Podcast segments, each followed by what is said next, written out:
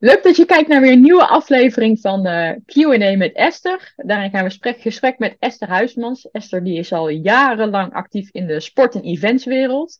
En regelmatig hebben we het daar dan ook over, Esther. Maar we hebben het ook over totaal andere dingen. En uh, vandaag wil ik met jou een onderwerp aanstippen. En dat is vrijwilligerswerk. Want dat is iets ook waar jij ook op jonge leeftijd al mee begonnen bent. En het, uh, als ik het zo een beetje kan inschatten, is dat voor jou ook heel waardevol geweest. Hoe, hoe, ben, je dat, hoe ben je dat vrijwilligerswerk ingerold? Ja, ingerold. Ik, um, toen ik aan het studeren was, uh, toen ben ik um, een deel van mijn studie uh, heb ik in Spanje doorgebracht. En um, daar was eigenlijk dat ik merkte dat die, dat, dat sportvirus, dat het, dat het gewoon bij mij uh, erin zat. Dat ik dacht, ja, ik wil gewoon iets in die sportwereld doen. Ik studeerde bedrijfseconomie aan Erasmus. Ik ben zelfs begonnen met econometrie, dus iets heel anders. En ik heb toen een aantal maanden in Madrid gezeten. En bij toeval ben ik terechtgekomen bij Real Madrid TV. Niet dat ik daar iets heb gedaan qua werk, maar we hebben ooit een interview gedaan met Clarence Seedorf, wat super grappig was. Nou had ik niet die ambitie om de volgende Dione te worden, zoals jij die hebt. maar ik vond het wel heel erg leuk. En ik merkte gewoon dat ik dacht, ja, daar, daar, dat is iets wat ik wil. Ik wil iets in gaan doen in die sportwereld. Het liefst voetbal en het liefst evenementen organiseren. En uh, op dat moment was Euro 2000, zou er natuurlijk aankomen. Of natuurlijk, ja, dat zegt ook, dat verklaart mijn, uh, mijn leeftijd. Maar ik was aan het studeren en ik was in 99 in Spanje. En in 2000 zou het EK er aankomen. En ik weet dat ik ook dacht, nou, misschien kan ik wel stage lopen, maar dat lukte allemaal niet meer. En toen zag ik op een gegeven moment een oproep dat ze vrijwilligers zochten bij het EK. En ik dacht, ja, hoe leuk is, hoe leuk is dat? Dus ik heb me opgegeven. En op dat moment stelden ze mij de vraag van... Uh, ja, wat wil je doen? Ja, ik had echt geen idee. Ze hadden het over allerlei dingen. Ze noemden accreditatie, ze noemden weet ik veel wat. En ik had echt geen idee wat het allemaal inhield.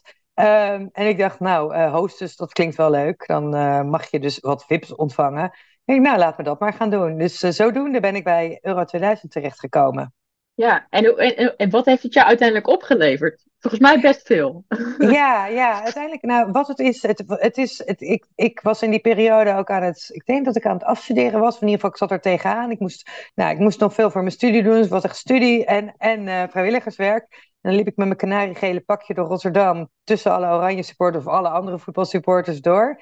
Ik zat in het Hilton, um, het grootste deel van de tijd, waar, de, waar het UEFA Headquarter Hotel was. En daarnaast zouden we ook het vliegveld, dus uh, Rotterdam uh, Airport, en, um, um, en in het stadion aan het werk zijn.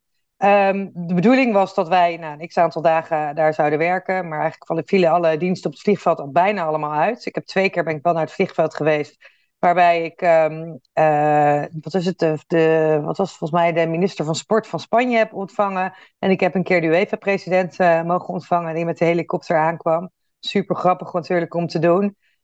En in het Hilton zelf Um, toen vroegen ze op een gegeven moment of er vrijwilligers waren die hun talen spraken en die een iets verantwoordelijkere rol wilden hebben. En ik dacht, ja, laat mij dat maar doen.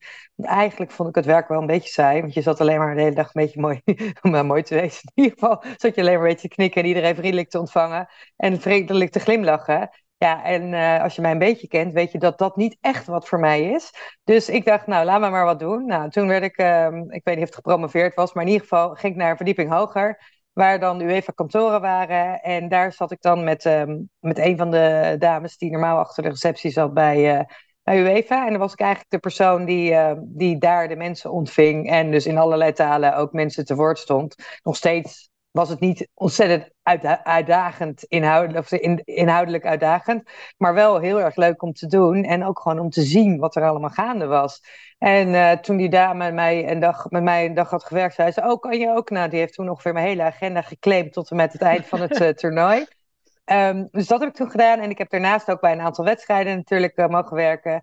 En wat voor mij, wat het mij heeft gebracht, nou ja, ik zei al, ik had een liefde voor voetbal, voor events, de sport, voor het liefst voetbal, het liefst event.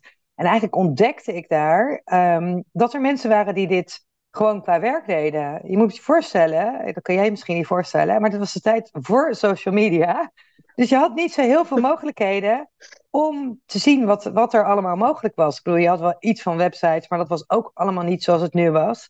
En dan praten we over, uh, dit is 23 jaar geleden. Maar ja, je wist helemaal niet wat er allemaal voor mogelijkheden waren. Dus ik ontdekte daar dat er dus mensen waren die dit eigenlijk fulltime, fulltime deden. En natuurlijk weet je het misschien wel, maar toch, dat je dan ziet dat mensen dat de hele dag aan het doen zijn. Ik dacht alleen maar, dat wil ik ook.